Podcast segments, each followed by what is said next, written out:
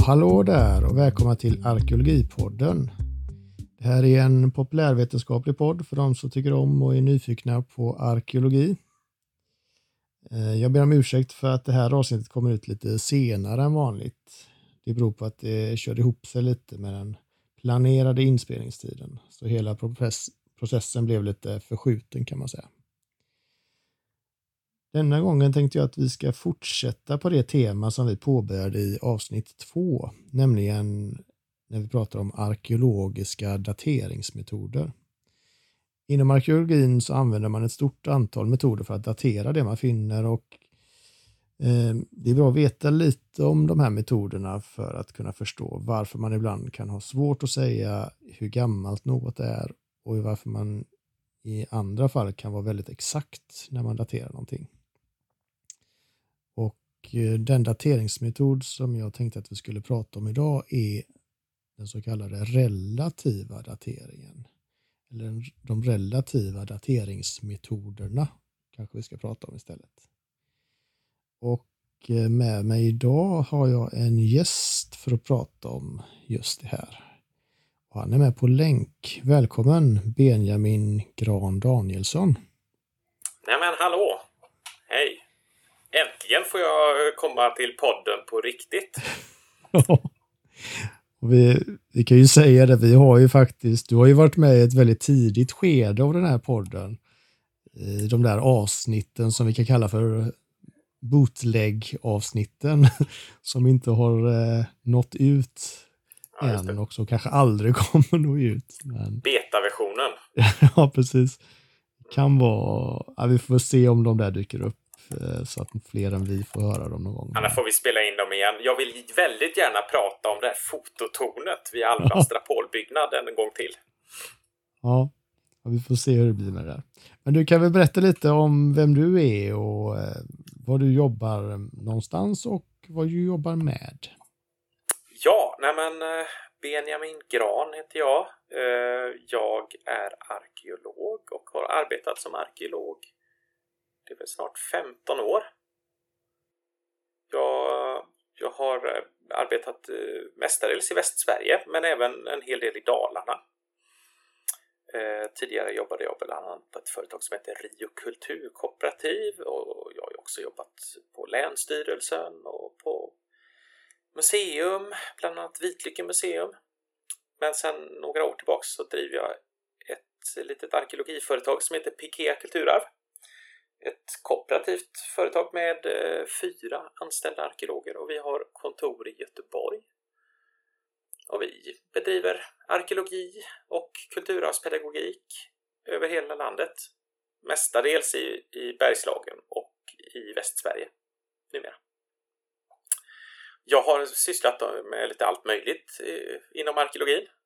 Grävt stenåldersboplatser, eh, grävt gravar, grävt ut anslagstavlor. uh, ja, lite blandat. Ja, det låter som att vi kommer ha anledning att prata fler gånger med dig och för de som har hört de tidigare avsnitten känner kanske igen eh, namnet Pikea för vi talade ju i ett tidigare avsnitt med en kollega till dig, Daniel Gunnarsson. Ett avsnitt som handlar om kartor så ni är kollegor till och med. Ja, precis. Mm. Nej, men eh, jag startade ju Pikea för massa år sedan och eh, har mm. fått nöjet att anställa Daniel och mm. några andra som kanske kommer synas till i eh, podden framöver. Ja. ja, vi får se. Eh, och eh, som ni kanske hör här så spelar vi in det här via länk så ljudet kommer återigen inte vara det bästa gissningsvis. Vi får se. Och eh, som av en slump så hade vi problem med ljudet även i det förra avsnittet som vi hade med någon från Pikea. Så vi får se om det är en trend. eller, det kan eller... vara en trend. Eh, det är mycket möjligt att det hörs lite barnskrik eller får som ja. bräker i bakgrunden. Vi får väl se. Ja, jag hoppas att det går att lyssna på ändå, att det är tillräckligt intressant så att, vi, så att man eh, ha överseende med eventuella konstiga ljud i bakgrunden. Ja, vi, det kanske är vi som måste prata ur skägget. Det är ja. kanske där det, det problemet ligger. Nu ser ju lyssnar inte hur vi ser ut, men nu har du avslöjat en detalj. Ja, Något som de förenar hör hur vi ser ut. Jag tänker att vi drar igång och börjar prata om det här med relativ datering, vad det är för någonting och kanske vad det inte är. Vad, hur skulle du eh, definiera relativ datering inom arkeologin? Vad är det egentligen? Ja, nej men hur definierar man något så relativt? Ehm, normalt sett så kan vi prata om, om olika typer av eh, dateringsmetoder där kol 14-metoden är nog den mest kända utanför arkeologin. Men inom arkeologin så använder man ju som sagt då relativa dateringsmetoder. Och de relativa dateringsmetoderna handlar ju om att relatera olika företeelser med varandra. Där den som daterar kanske inte är säker på de olika företeelsernas exakta ålder. Mm. Eh, Det kan vara, vara säkert på, på någras ålder. Men, men eh, inte alla. Och så relaterar man de här företeelserna med varandra. Eh, Ett, ett bra exempel det, det brukar vara att eh, jag har för mig det är en gravhög i Danmark. Där eh, de har hittat fynd i en kontext med en viss dekor. Mm. Sen gräver de ut en gravhög där man hittar samma typ utav fynd eller samma typ av dekor. Mm. Ja, och utifrån dekoren så gör man en relativ kronologi eh, där, där man ställer upp de här. Ja, men de har ju samma typ av, eh, av eh, eh, uttryck och är antagligen lika i ålder. Just det. Det, det... En annan sak kan ju vara att vi hittar en eh, något som vi har kunnat datera med kol-14-metoden. Till exempel, säg att vi har daterat en runstav i trä. Det här är inte ett jättebra exempel, men en runstav i trä där vi med kol-14 har lyckats datera rätt. Sedan så hittar vi samma typ av runor på en sten. Stenen går inte att datera med kol 14 men däremot så kan vi bedöma då att den här samma typ av runor är från samma tid. Mm. Det är ett exempel på relativ datering. Just det. Ja, och det slog mig nu. Vi har ju gjort ett avsnitt eh, tidigare på temat datering och då pratar vi om eh, strandlinjekurvor. Och det är ju också egentligen ett om man bara ser till strandlinjen utan att blanda in andra metoder för att datera, då är det också en relativ eh, Eh, datering kan man säga. Just att det som, alltså det, det som eh, är ovan vattennivån och att vattennivån sjunker undan, att det blir liksom det som är längst upp är äldre än det som är, kommer lite längre ner, alltså i höjd över havet. Sen så har man ju då kombinerat det och, och så nu vet vi ju vilka år de här strandnivåerna representerar. Men i början så visste man ju inte det.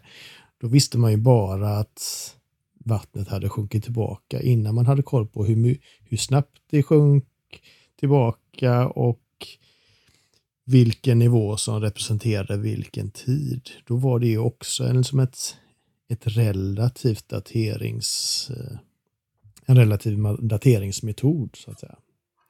Eller Ja. ja, så kan man väl säga. Ett annat bra exempel det är ju stratigrafi som används inom arkeologin.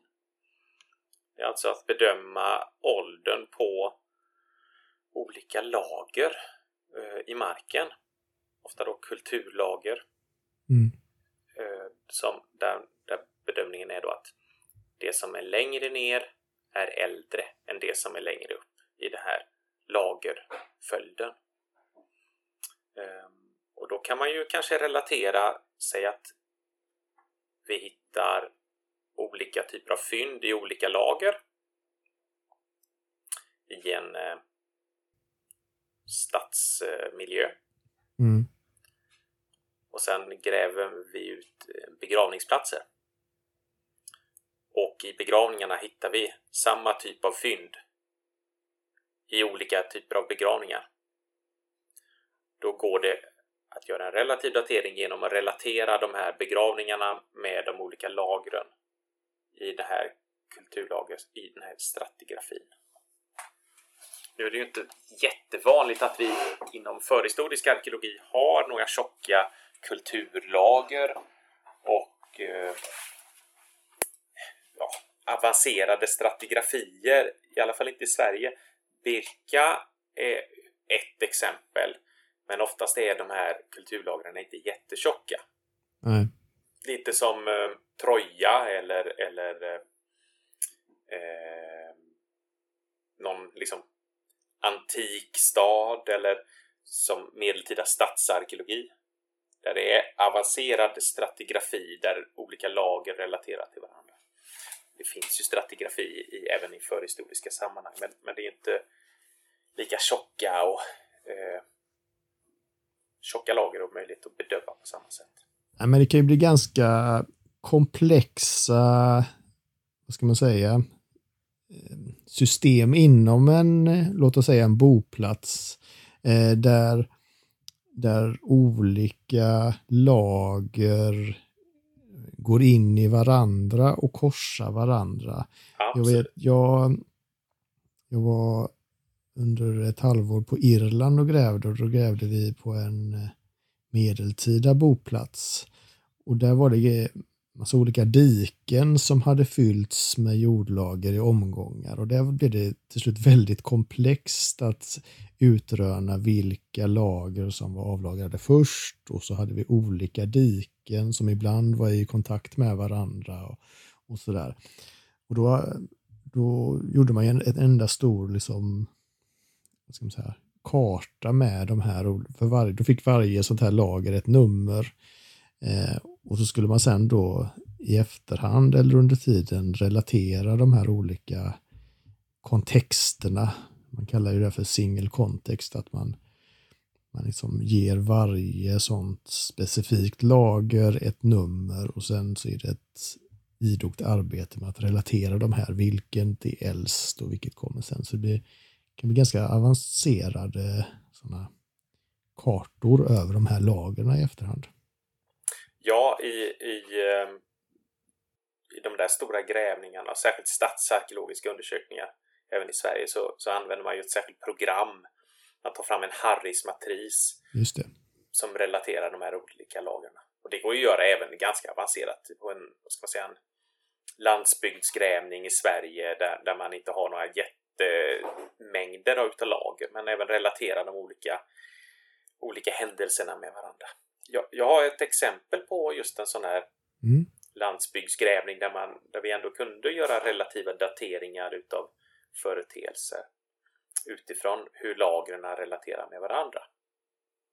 Och det var i Jörlanda utanför Stenungsund. Där grävde vi en eh, järnåldersboplats, bronsåldersboplats eh, under hösten 2017. Och eh, vi hittade hittade ett stort område med åderspår. Alltså rester efter förhistorisk plöjning. Det såg ut som ett tunt rutnät utav lite mörkare sand ovanpå ljusare sand. Mm.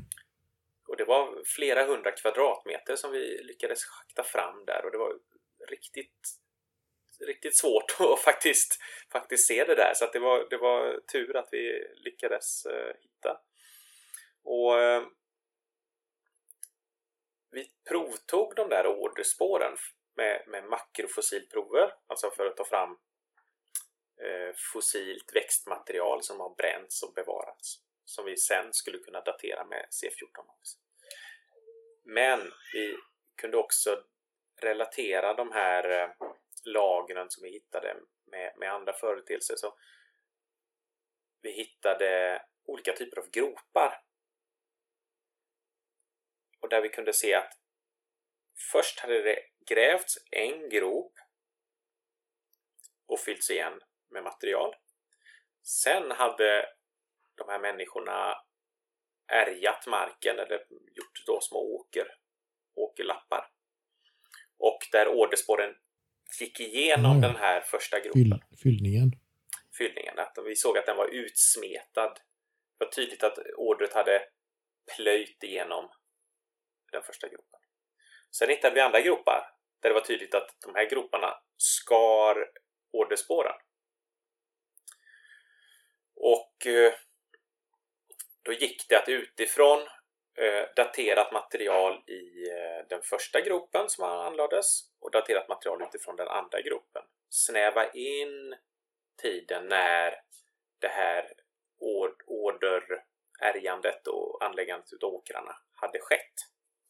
Sen lyckades vi även hitta material i åderspåren som gick att datera. Men, men det är också så här, det, det är många olika pusselbitar som sam, äh, faller samman. Och, och, den relativa dateringen utav lagret var ett. För mm. att göra en jag tänker att det här sätter ju fingret på flera saker. Dels, och det kanske man inte uppfattar när man läser om en sån här, för oftast läser man ju om en sån här grävning eller sån här plats när alla resultat har kommit in. Men just under själva undersökningen om man inte har väldigt liksom, tydligt daterbara fynd så kan det ju vara svårt under själva grävningen att ha en uppfattning om hur gammal platsen är. Och just det där kartläggandet av, men okej, okay, vad har hänt först? Vad har hänt sen? För det kan ju vara så, nu hade ni ju tur och hittade flera daterbara eller kunde få datering på flera olika av de här kontexterna eller sammanhangen. Men i värsta fall får man kanske bara datering på en. Och har man då den relativa kronologin klar, vad som hände först och vad som hände sen, då kan ju faktiskt även en sån här absolut datering i form av eh, C14 ändå säga någonting om, okej, okay, då kan de tidigare inte vara äldre, alltså yngre än den dateringen man har. Och så där. Eh, men det, är det, det, uppfattar man ju inte i efterhand utan då har man ju alla resultaten och då har man liksom så. Men just vikten av att vara noggrann under själva grävandet och undersökandet är ju och notera då för det där är ju en sån sak som ställer till det är ju att när vi pratar om de här lagren, det är ju utifrån att de är orörda i efterhand. Det är bara då det översta lagret är yngst och det understa lagret är äldst. Så fort man stöter på någon som har varit där i efterhand och grävt ner någonting, då försvinner ju den eh, logiken så att säga. Och det är också viktigt att man noterar det under själva undersökningen, att men vänta nu här, här är det någon som har grävt en grop och lagt ner någonting. Så det som är längst ner är plötsligt inte äldst utan det kan ju vara det yngsta. Det sista som hände på den platsen var att man grävde ner någonting. Eh, och ibland är det uppenbart för då det kan vara ett metallföremål som ligger eh, långt under stenåldersnivån. Men det är inte alltid det är så enkelt. att Det kan ju vara ett stolphål till exempel som med få daterbara fynd i det. Så det är det är intressant att få höra hur, hur man upplever det under själva undersökandet. Så som du berättar. Ja, ja men det, det, det här är ju något som man är, alltid får tillämpa i, i fältarbetet. Eftersom vi inte har för det mesta då absoluta dateringar när man väl gör arbetet, precis som du säger. Och detta är ju något man, vi även använder när vi är ute och inventerar. Man bedömer och läser av landskapets olika tidsskikt och, och relaterar dem till varandra. Även där gör man ju en form av relativ datering. Och jag tänker om man ska ta lite historik så är ju det vi pratar om nu, den här relativa sättet att datera, det var ju i början i liksom arkeologins barndom så var ju det nästan det enda man kunde göra. Alltså innan vi fick de här eh, naturvetenskapliga metoderna att få fram det som vi kan kalla för absolut datering då, alltså innan man hade den kunskapen att med hjälp av C14 eller andra naturvetenskapliga metoder så var det ju mycket, i mångt och mycket en relativ som berättelse man hade. Att ja, man kunde förstå att vissa saker hade hänt och man hade använt vissa föremål innan man hade använt andra. Men exakt när det var, det var man ju väldigt osäker på i början. Um, så det men, men tack vare att man var ganska noggrann med det där i början så kan man ju nu när vi har metoderna också inordna den där relativa tidsskala man hade i en, i en som absolut kronologi. Då, att vi vet när det som man på 1800-talet kallade för bronsålder och kanske inte hade exakt kunskap när, när det var. Det vet vi idag hyfsat exakt vilka år vi pratar om och så. Ja, eh, precis. Och att tänka på den här eh, treenigheten eller tredelningen eh, i arkeologin. Stenålder, bronsålder, järnålder. Redan det, den uppdelningen är ju en form av relativ datering. Eh, och eh, det, det är ju... Eh, ska vi se. Glömmer jag bort eh, heter. Thomsen heter han. Just det. Christian Jürgensen Thomsen var ju en av dem som tänkte till kring det här i början av 1800-talet. Eh, mm. Han var ju eh, eh, del i grund, grundandet utav Nationalmuseum i Danmark och blev den stora arkeologen, tidiga antikvarien i, i Danmark. Och där, där man delade upp forntiden i, i tre delar. Där den äldsta var stenålder. Människorna gjorde redskap utav sten.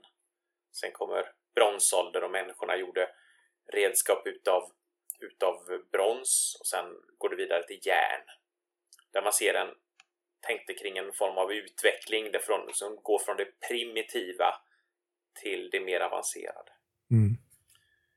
Och eh, det är ju en, en, en, väldigt grov men också liksom en, ett sätt att datera och re, eh, relativt datera eh, föremål. Så då kunde man, man hitta stenföremål, sten, stenartefakter och tänka att ja, det här var äldre än bronsartefakterna som vi hittade. Mm. Och du är inne på någonting där med som från det enkla till det avancerade. En annan sak som man brukar prata om i, i relation till det relativa, det är ju det som man kallar för typologi, som bygger just på det att man, man, man har kanske ett viss typ av föremål som, där man ser att den ser lite olika ut. Man hittar liksom olika varianter av samma eh, föremål. Eh, och där man eh, då med hjälp av den här typologiska metoden kan eh, arrangera de här olika föremålen i en utvecklingsskala nästan. Där, man, där huvudidén brukar vara att i början är det enkelt, ett enkelt uttryck och mot det, någonting som blir mer och mer avancerat. Och Det kan ju vara i utformningen, det kan ju vara ett bruksföremål som har haft en en praktisk funktion, en spänne till exempel, som blir, blir, mer och mer snirkligt ju, ju längre fram i tiden man kommer.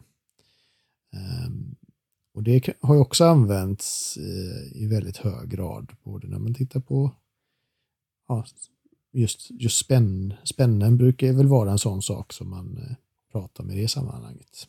Ja, det var ju Oscar Montelius var ju mm. tidig med, eh, med typologin.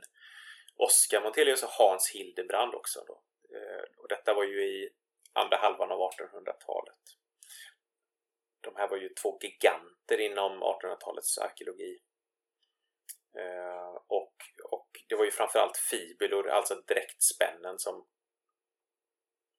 som de ordnade utifrån enkelt till mer avancerat. Och Montelius reste ju runt i hela Europa och tittade på, på föremål. Och ordnade detta. Och det var ju mot bakgrund också av det här evolutionära, alltså tanken om evolutionär utveckling. Eh, det, det ligger ju också i det begreppet att det börjar enkelt och blir mer och mer avancerat. Så det var ju i spåren av den, den eh, inriktningen som vetenskapen började ta på den tiden. Ja, under samma tid så, så, så eh, fick ju Darwins tankar genomslag inom biologin. Det går från enkelt att utvecklas och, och samma tillämpning gjordes också inom arkeologin. Där det börjar enklare, blir mer och mer avancerat. Detta ligger ju även till grund för eh, bronsålderns indelning i fem perioder. Just det. För de här fibulerna var, det var väl eh, brons... Ja, det var brons, ja. bronsfibulor. Jag vet inte, jag har... Eh, du pratade det här tidigare om att man kunde titta på dekorer och se att en dekor då som eh, är likadan i två olika, på två olika platser, att man kan som se en koppling mellan dem. Det finns ju också att man eh, kan titta på en typ av föremål och med hjälp av hur det ser ut också kanske datera andra. Jag tänker specifikt på det här med hällristningar och hur man daterar hällristningar. Hällristningar är svårt att datera egentligen och få en eh, absolut datering med hjälp av naturvetenskapliga metoder. Det finns ju liksom ingenting att ta prov på där för att ta reda på när, exakt när en viss eh, ristning knackades in. Men då har man utvecklat en metod där, där man tittar på eh, skepp och hur skeppen ser ut och där man också då har använt lite av det här typologiska tänket att eh, skepp, eh, ändarna på skeppet ser ut på ett visst sätt, kanske ganska enkelt i de äldsta och sen blir det mer och mer avancerade avslut på de här stävarna. Och om jag har förstått det rätt så hänger det också ihop med en annan typ av föremål från just bronsåldern som är det som vi kallar för rakknivar. Eh, som, där vi inte vet om det är rakknivar, men de ser lite ut som moderna rakknivar. Där man har hittat samma typ av eh, vad ska man säga, samma typ av eh, figurer eh, på de här rakknivarna som påminner då i sitt avslut om eh, de här skeppsstävarna. Och där har man kunnat då datera vissa av de här eh, rakknivarna för de kanske hittat tillsammans med föremål som man har kunnat datera. Och på så sätt då kan man också säga någonting om hällristningarna. Du får gärna rätta mig där för jag, det här är någonting som jag vet att jag har hört långt bak i tiden men det var ju ganska avancerat som eh, orsak och verk, eller vad ska man säga, kedja av bevisföring där. Ja, en indiciekedja som de som juristerna säger. Mm. Nej men eh, precis. Den här skeppskronologin är ju tillämpas ju fortfarande i datering, relativ datering utav, utav bronsålders hänvisningar. Eh, nu sa jag ju fel, det är ju sex perioder i bronsåldern. Och det, det, går ju faktiskt tillbaks till Oscar Montelius. Det är, det är ju Montelius periodindelning, den bygger an på den här typologin som, som han tar fram då för, utifrån bronsfibror. Och även andra typer utav bronsföremål bygger ju den Men den relateras ju också då till skeppskronologin där, där enklare skepp hör till de tidigare perioderna. Där de mest ska man säga, avancerade uttrycken är period 4. Mm. Och, och, sen i slutet av ja, period 6 så blir det lite enklare. Och även då okay. Kanske ännu enklare under, under äldre järnålder, de, de ristningarna som finns. Och det är ju väldigt tydligt när man är ute, ute och tittar på hällristningarna i landskapet. Och eh, det har ju gjort studier då också med skeppskronologin i relation till eh, strandlinjeförskjutningen också. Ja, just det. Stärker ytterligare då en relativ datering. Jag tänker, ser du några Finns det några faror eller problem inbyggda i, i det här?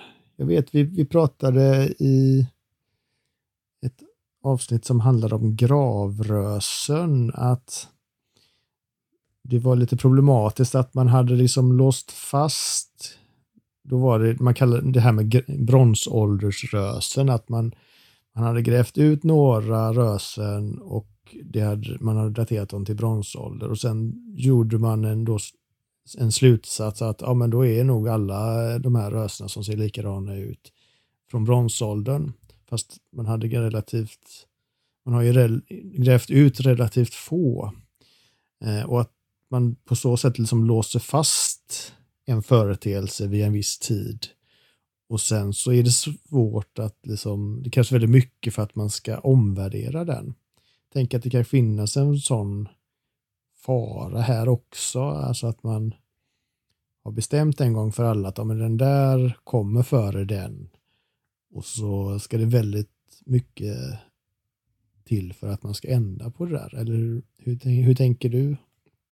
Nej men eh, det är väl klart, eh, precis som du säger, väldigt många rösen är ju inte från bronsåldern. Jag har ju grävt, grävt eh, två rösen som, som eh, visserligen innehåller bronsålders föremål eller det ena innehåller bronsåldersföremål men sen återanvänds de och, och byggs om och byggs till under andra tider och det är väldigt, och även idag så kallar vi ofta rösen för bronsåldersrösen. Utan att egentligen ha jättemycket belägg för att alla skulle vara från bronsåldern. Så det är klart att det är lätt hänt att man låser fast sig. Men så är det inom arkeologin generellt att man behöver ha en öppen syn och öppen tolkning utav väldigt mm. mycket. Eh, sen måste man ju belägga sina tolkningar också med, med fakta. Mm. Eh, men, men det är klart att vi, vi ska ju vara öppna för att kunna omvärdera vår syn på förhistorien. Och det är, det, det, det är ju tjusningen med arkeologin är ju att den, den, det vi vet idag det kan omkullkastas utav en ny upptäckt imorgon. Och att ingenting är liksom statiskt egentligen i den här vetenskapen. Det som är det som jag tycker är en fördel med den relativa kronologin det är just det här tankearbetet som vi behöver utföra. Mm. Vi behöver kunna föremål, vi behöver kunna tänka och sätta in föremålen i ett sammanhang eller föremålen eller anläggningarna eller lager och relatera till varandra. Det är ett pusselläggande. Eh, det, hade inte, det är inte lika tjusigt med en absolut datering när, när C14 blev mer, mer och mer vanligt i uppdragsarkeologin, särskilt under 90-talet, då blev det väldigt mycket så här, ja, då tar vi en C14, ja, så fick vi en datering och så är det. Ja, men, men även om man har en absolut datering så måste man ju relatera den absoluta dateringen till en handling eller till något som har hänt.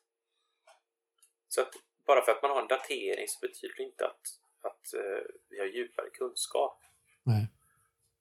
Och det är väl fördelen med den relativa dateringen. Där behöver vi diskutera och relatera och jämföra och tänka till kring dåtiden och lämningarna som vi, vi diskuterar. Ja, det blir ju en berättelse på sätt och vis med den relativa som om man ska, den diskussionen kring det relativa daterandet. Alltså man ser ju liksom en utveckling, en rörelse, oavsett om det då är som det exemplet som du pratar om med den, den där boplatsen.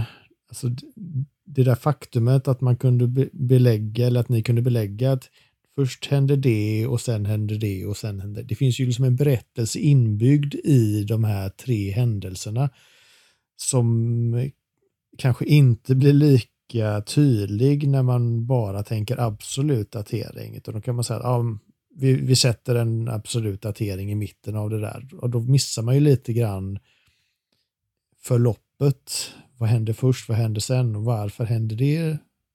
Varför börjar man använda den här platsen på ett annat sätt sen? Varför? Ja. Det blir massa frågor i det där som uppstår i, i den interna kronologin på en plats som man kanske missar eh, om man bara kör med det absoluta. Sen kan jag tycka då att det här med absolut datering, ja, men vad, vad menar vi med det? Är det kol-14-analyser?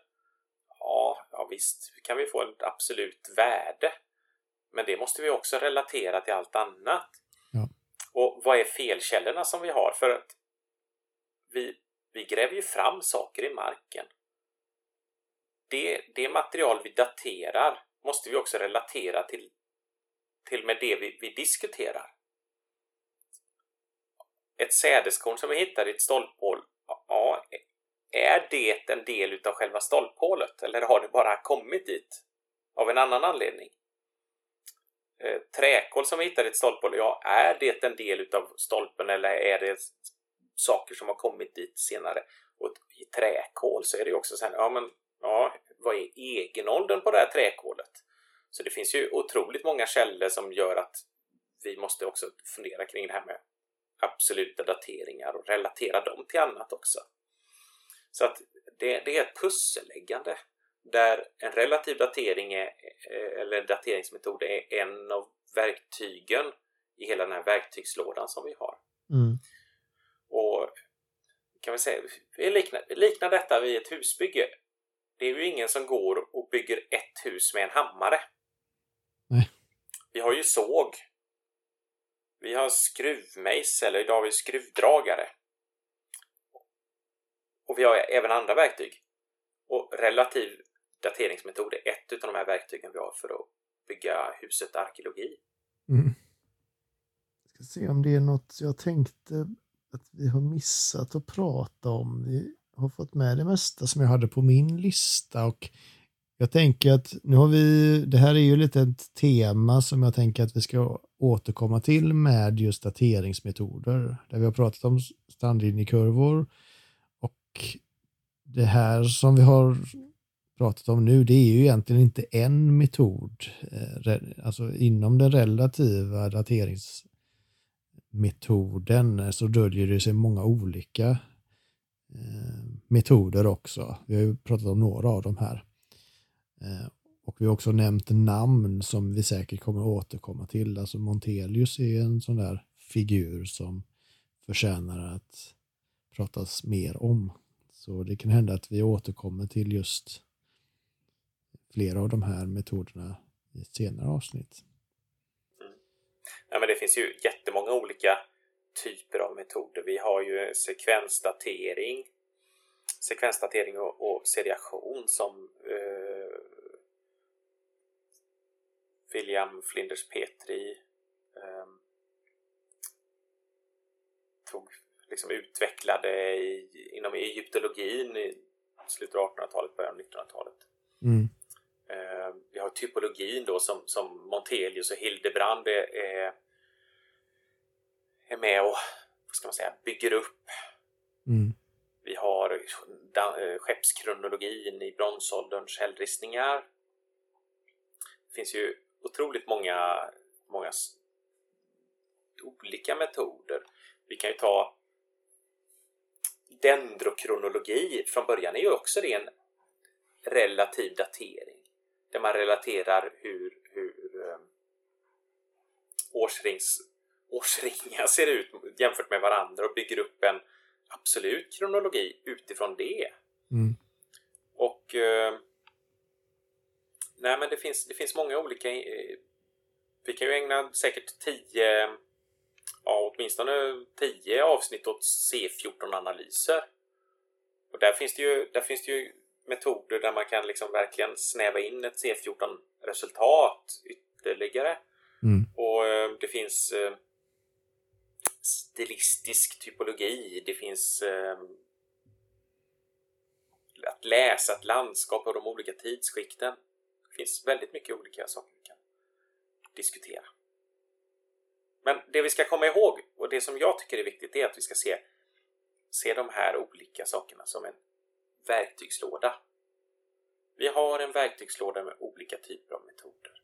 Mm. Och i vissa fall passar ett, ett verktyg bättre än ett annat. Men ofta så använder vi flera av verktygen för att, för att eh, lägga ett pussel. Ja, det i kombination med att just att det är en väldigt, alltså det är en process eh, där, där man inte har alla svaren från början.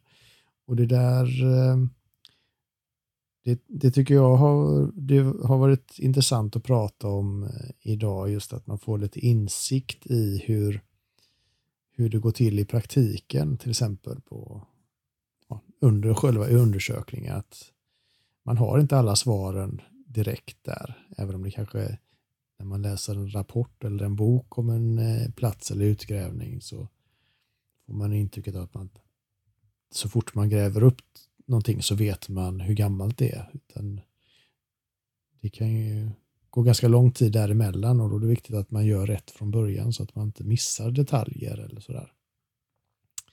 Vi har också, tänker jag, förstått lite mer av varför det är viktigt att man inte, om man skulle hitta någonting när man är ute i skog och mark, att man inte börjar gräva upp saker eh, utan, utan urskiljning så att säga. Det är viktigt, och det här är ju någonting som arkeologer tjatar om, att det är viktigt att man ser exakt var ett föremål är funnet. Bara för att det, bland annat det här som vi pratat om tidigare, stratigrafin är ju jätteviktig. Och att kunna se huruvida det här föremålet har legat på samma plats hela tiden eller om det är omrört och så. Det är ju svårt att bedöma det när man kommer med ett föremål i handen till ett museum till exempel. Att, ja, vad är det här? Hur gammalt är det här? Ja, det är svårt att säga med väldigt många föremål såvida man inte vet under vilka omständigheter det är funnet.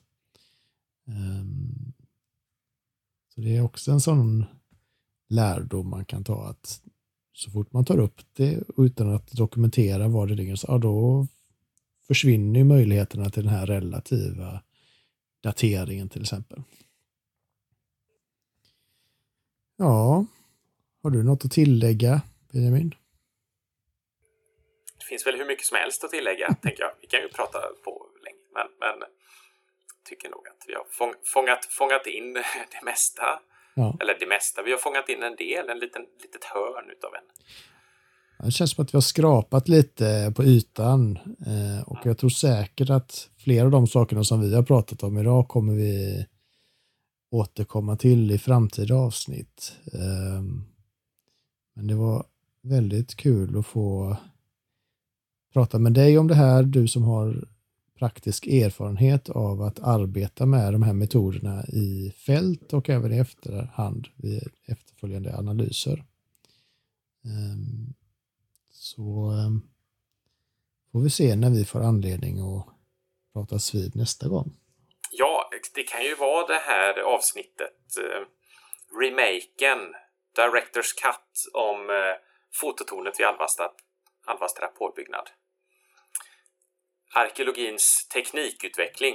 Ja, ja vi, både du och jag har ju ett, ett eh, arkeologihistoriskt intresse så det blir ju rätt så när vi, när vi pratar med varandra att vi gärna pratar om gammal arkeologi.